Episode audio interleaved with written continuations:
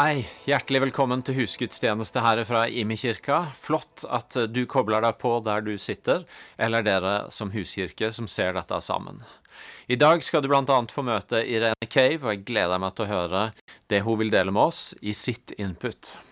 Før det så hadde jeg bare lyst til å kort dele med dere. Eh, Jeg har gleden av å lese Bibelen på et år sammen med ganske mange andre mennesker, og denne uka så har vi vært mot slutten av femte Mosebok og slutten av Moses sitt liv. Og vi har annet der lest om eh, hvordan Moses oppsummerer mye av det Gud har sagt til folket. Og så kommer det et avsnitt eh, hvor Moses sier til israelsfolket Se, i dag har jeg lagt fram for deg livet og det gode, og døden og det onde. Og så sier han til folket, velg da livet. Og den setninga, den oppfordringa, den har levd med meg i disse dagene her. Velg da livet. Jeg og du har en mulighet i vår, vår hverdag, i det vi står i, som ikke alltid trenger å være enkelt eller komfortabelt, så har vi mulighet til å velge livet. Det gode livet som Gud har skapt oss til, og som Jesus viser oss veien til. Og det handler om mitt og ditt liv og hverdag, men det handler også om muligheten til å gi andre mennesker det valget i et evighetsperspektiv. På tirsdag så var jeg sammen med staben her i Imi-kirka, og i løpet av en sånn vitnesbyrdsrunde på et kvarters tid, så kom det historie om fem mennesker som i løpet av den siste tida har gitt livet sitt til Jesus, som har valgt livet, sagt ja til å gå med Gud. Og det minner meg om at dette er ei tid hvor mennesker er åpne for evangeliet, hvor mennesker kanskje er åpne for å stille nye spørsmål. Satt og snakka med en annen her i denne uka som jeg vet ikke hvor vedkommende står i forhold til tro, men har en jobb hvor han treffer masse mennesker, og så sier han dette er jo ei tid hvor folk leiter etter mening. Jeg tenker denne våren har jeg og du en fantastisk mulighet til å velge livet sjøl, men også til å la andre mennesker velge livet. Og jeg har bare lyst til å oppfordre deg til å være frimodig i det. For oss her i IMI så er det kommende mandag, altså eh, mandagen etter at denne videoen legges ut, klokken 19.00, så er det årsmøte for IMI-kirka. Pga. covid-restriksjonene så skjer det online, og du kan gå inn på imikirken.no og lese mer om hvordan du kobler deg på, og også finne sakspapirene. Nå skal du få møte en god venn som skal fortelle annet inspirerende innhold til oss, nemlig Kjartan Sørheim, som bl.a. jobber med Thailand og vårt arbeid i Thailand. Hei. Nå kom jeg akkurat fra en eh, fantastisk samtale på Zoom. Tenk alt det gode som kan skje der. Nå har jeg og Martin sittet sammen med staben vår. Og herlighet, jeg skulle ønske du hadde dere inn i, i den Zoom-skjermen, så dere kunne få tak i den passion som driver disse folkene våre i Thailand. Jeg er iallfall oppglødd, og det ser dere kanskje. En av de grunnene til at vi har akkurat denne delen av huskirkegudstjenesten vår, det er det at vi ønsker å vise at vi er en lokalmenighet her i Stavanger, men som IMI så representerer vi òg en bevegelse. Ut ifra vår bevegelse så vokser det jo mange ting. Det vokser impuls, det vokser godhet, det vokser skole, det vokser internasjonalt arbeid osv. Og, og vet ikke hva? Vi har en sånn grunnleggende tro på det at når vi får lov til å gi noe videre, så vokser ting. Det vokser i oss, men det vokser òg rundt oss. Ting multipliseres. Jeg er så utrolig begeistra for denne historien i Bibelen. Når Jesus kommer og metter disse 5000, og det var bare menn. Og så kommer kvinnen, og så kommer barnet i tillegg. Så jeg ser for meg denne sletta her med 10 000 mennesker. Der Jesus da multipliserer eh, noen brød og noen fisker til å være rikelig med mat til alle sammen. Og vet dere hva? Dette underet skjer i det øyeblikket at vi begynner å gi ut. Når disiplene begynner å gi ut, da vokser det. Dette får vi lov til å være med på, folkens. Jeg syns det er helt stort. Um, uh, og så har jeg lyst til å si det, at av og til så føler vi kanskje det. At det vi sitter på, det er ikke så mye. Det er ganske lite. Men i det øyeblikket vi får lov til å være med og starte å gi ut, så vil vi komme til å gjøre andre erfaringer. Og vi gjør erfaringer av ting multipliseres. Så av og til så blir jeg litt sånn sjokka når jeg tenker på, når jeg ser rundt, hvem er jeg? Hvem er vi?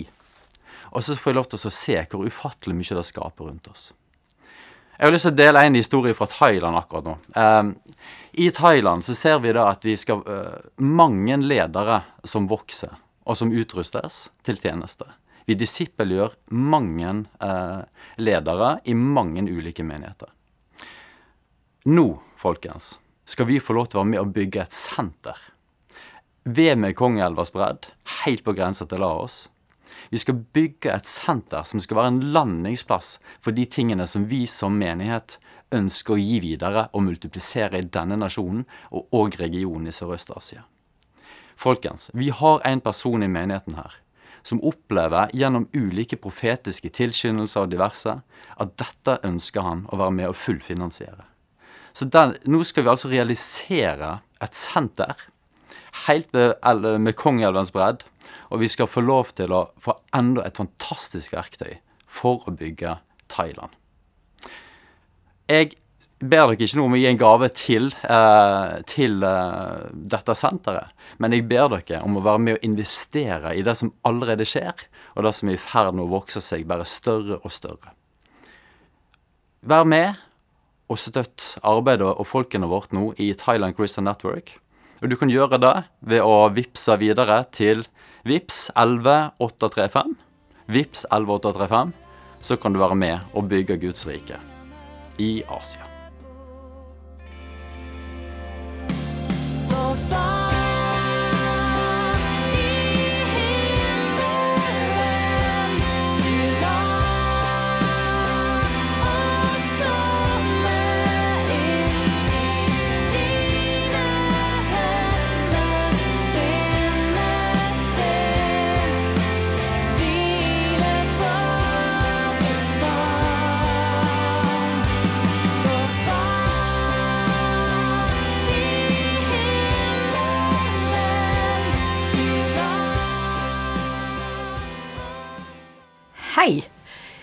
Sist input så snakka jeg til dere om håp. Kristus i oss, håpet om herlighet. I dag vil jeg snakke med dere om takknemlighet, og da skal vi være i teksten fra Lukas 17, fra 11 til og med vers 19. Jesus han er på vandring mot Jerusalem. Han reiser gjennom grenselandet mellom Samaria og Galilea. Her vandra han fra by til by for å forkynne Guds rike at det var kommet nær. Og ryktene om han, det gikk i forveien. Ser du det for deg? Han helbreder syke, lamme går, blinde får synet tilbake. Ja, faktisk døde sto opp. Og onde ånder, så det var mye av, måtte forlate mennesket som de hadde plaga i årevis. Jesus ble også kalt synderes venn. Han spiste og han drakk med tollere og syndere, til knall forargelse for de skriftlærde og fariseerne. Mens de gikk på sin vandring, så hørte de plutselig rop, høye rop, Jesus, ha barmhjertighet med oss! Langt borte fra de sto ti spedalske menn. Prøv å se det for deg. Disse mennene det var menn som en tid av sitt liv hadde levd helt vanlige og normale liv. Kanskje hadde de familier. De var ektemenn. De hadde barn. En mor og en far. Og de hadde mange gode venner. Men nå, etter at sykdommen hadde rammet dem, var de bortvist fra samfunnet. De hadde mista alt forvist til et øde sted. Så bodde de i huler og spiste maten de fant der. Vet du hva? Grusomt, spør du meg. Denne sykdommen, som sakte spiste de opp og senere førte til døden. For en katastrofe i et menneskeliv. Tenk for en psykisk påkjennelse. Tapene, smerten, lengslene og fortvilelsen. Aldri mer skulle de komme hjem til sine egne. Og nå sto de der. Kanskje hadde de stått lenge, for de hadde hørt ryktene om Jesus. Og nå var han på vei. Hvordan hadde de det? Kanskje hadde familien kommet med mat og hadde fortalt om at Jesus var på vei. Denne Jesus som møtte tusener med helbredelser og nytt liv og ga nytt håp og ny start i livet. Mon tro om det var Messias som kom, deres eneste håp. Nå ropte de med håp og fortvilelse. Hvem skal befri de fra denne dødens sykdom? Jesus, hjelp oss! Jesus stanset opp, ser på de, så svarer han de noe rart. Han sier ikke 'bli frisk', men han sier 'gå og vis dere for prestene'. Moseloven hadde tydelige regler for de spedalske. Det var prestene som stilte diagnosen, og så avgjorde om de var friske eller syke, og om de kunne oppholde seg blant andre friske folk. Tenk deg hva som foregår inn i hodene til de spedalske. Her måtte de ta et valg. Jesus sa, gå og vis dere for prestene, før de var blitt friske. Men hva ville prestene si? Tenk om vi møter noen fra familien på veien. Hva ville de si? Vi er jo ureine. Hva ville andre gjøre med dem? Men tross de spenningsfulle tankene, så gjorde de et valg, og de la ut på vandring. Det var jo deres eneste mulighet. Jesus, Messias, helbrederen, han hadde bedt de om å gå. Det var jo han som hadde bedt de om å bryte alle reglene og gå inn i landsbyen og oppsøke synagogen og prestene. Jesus sa ikke mer. Iallfall står det ikke mer der. Jeg kan levende forestille meg den smertefulle veien da de hadde lagt, så de hadde lagt ut på. Menneskene som ville rope etter de, kjefte på de, skjelle de ut, kanskje kaste en stein på de. Kom dere bort, dere smittebærer. Dere bringer oss døden. Vi vil ikke se dere. Men de fortsatte å gå. Og så skjer det et skifte. Underlig. Mens de går på veien, står der, så ble de rene. La oss stoppe oss litt her hva foregår i tankene deres når de ser at sårene krymper. Kanskje kan de bevege armen igjen. Eller den ødelagte foten kan nå plutselig gjøre slik at de ikke halter fordi at den er blitt sterk. Og de ødelagte øynene kan se klart igjen. For en opplevelse! Fra død til liv. Og vet du hva jeg tror? I synagogen så ble det sikkert full oppstandelse. Plutselig står ti spedalske menn foran dem, og de er reine. Helt reine. Ingen sår, ingen lukt. De er reine. For et mirakel. Gud være lovet. Guds rike er i sannhet kommet ned iblant de. De er reine, helt reine, ei ny frihet. Tenk, nå kan de gå hjem til familien, de kan gi dem en god klem. Kona, kjæresten, og de kan leke med barna igjen. Tenk tanken, pappa er kommet hjem, han som aldri mer skulle komme til oss, men nå var han her. Jesus hadde helbredet de alle tid. Men nå skjer det noe underlig og tankevekkende. Kun en eneste person kom tilbake til Jesus etter han var blitt friske. Han lovpriste Gud med høy røst, og han kasta seg ned for Jesus sine føtter, med ansiktet vendt mot jorden, står der, og takke. Han takker. En parentes, han var en samaritan ei folkegruppe som jødene både mislikte og hata. Samaritanere var et blandingsfolk. De var ikke ekte jøder. Jesus ser på ham, og så spør han, blei ikke alle ti reine? Og så puster Jesus og sier han til han, reis deg opp og gå, din tro har frelst deg. Denne mannen tok ikke bare imot helbredelsen, men han tok òg imot Jesus som sin frelser. Hvor var de andre ni? Jeg undres. Var ikke de takknemlige? Hvor gikk deres takk? Sprang de bare hjem til sine egne og feira og festa og glemte han som ga de livet tilbake? Mi bønn er, kjære Jesus, vekk oss opp. La oss se oss rundt.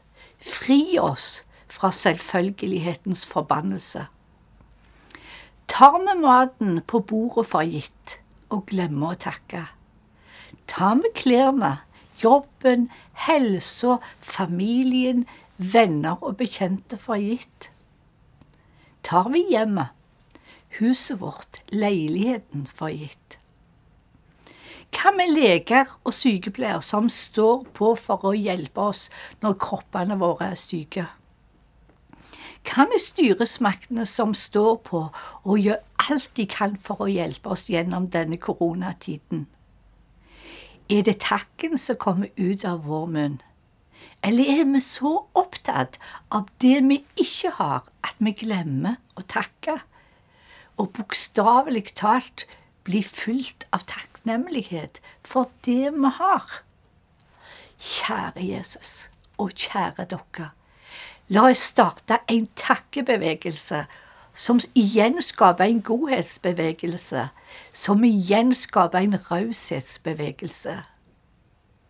Jeg bærer med meg et sterkt minne i hjertet mitt fra første tur til Asia. Vi satt i ei fattig lita hytte, og kona hadde laga et festmåltid som bestod av noen få, og da mener jeg få grønnsaker, og mye vann. Hun strålte av stolthet, for hun hadde noe godt å gi oss. Du skulle sett hennes takknemlighet. Du skulle sett det i øynene hennes. For meg var det så lett å bare sende noe, fattig, noe penger til de såkalt fattige. Men der og da så opplevde jeg å være med og bli familie med dem, og få del i deres takknemlighet. Dette møtet forandra hjertet mitt. Takknemlige mennesker forandrer omgivelsene og omstendighetene. Takknemlighet, det skaper glede i hjertet. Det gir håp. Og vet dere det, at glede i hjertet gir god helse, det står der i ordspråkene. Amen. Kjære Jesus, bare hjelp oss, du, til å bli takknemlige. Hjelp oss til å bruke ord på det vi er takknemlige. Herre, la vår menighet bli fylt av takknemlighet, for du har velsignet oss så rikelig. Og vi vil være med og bli rause mot de som ikke har det samme som vi har. Lovet være ditt navn. Tusen takk skal du ha, Irene, for et nydelig fokus og et nydelig budskap. Jeg åpna i dag med å snakke om det å velge livet, og kanskje nettopp det å velge takknemligheten en av måtene vi velger livet på, og også en av måtene vi kan få formidle noe av det vi tror på, på en positiv måte til de rundt oss. Så er noe av vår mulighet nå å ikke bare la dette være noe vi har hørt, men noe vi kan få snakke sammen om i huskirka, hvis du ser den med huskirka, eller i et annet fellesskap du har rundt deg. Og da har vi et par spørsmål du kan eh, ta som utgangspunkt.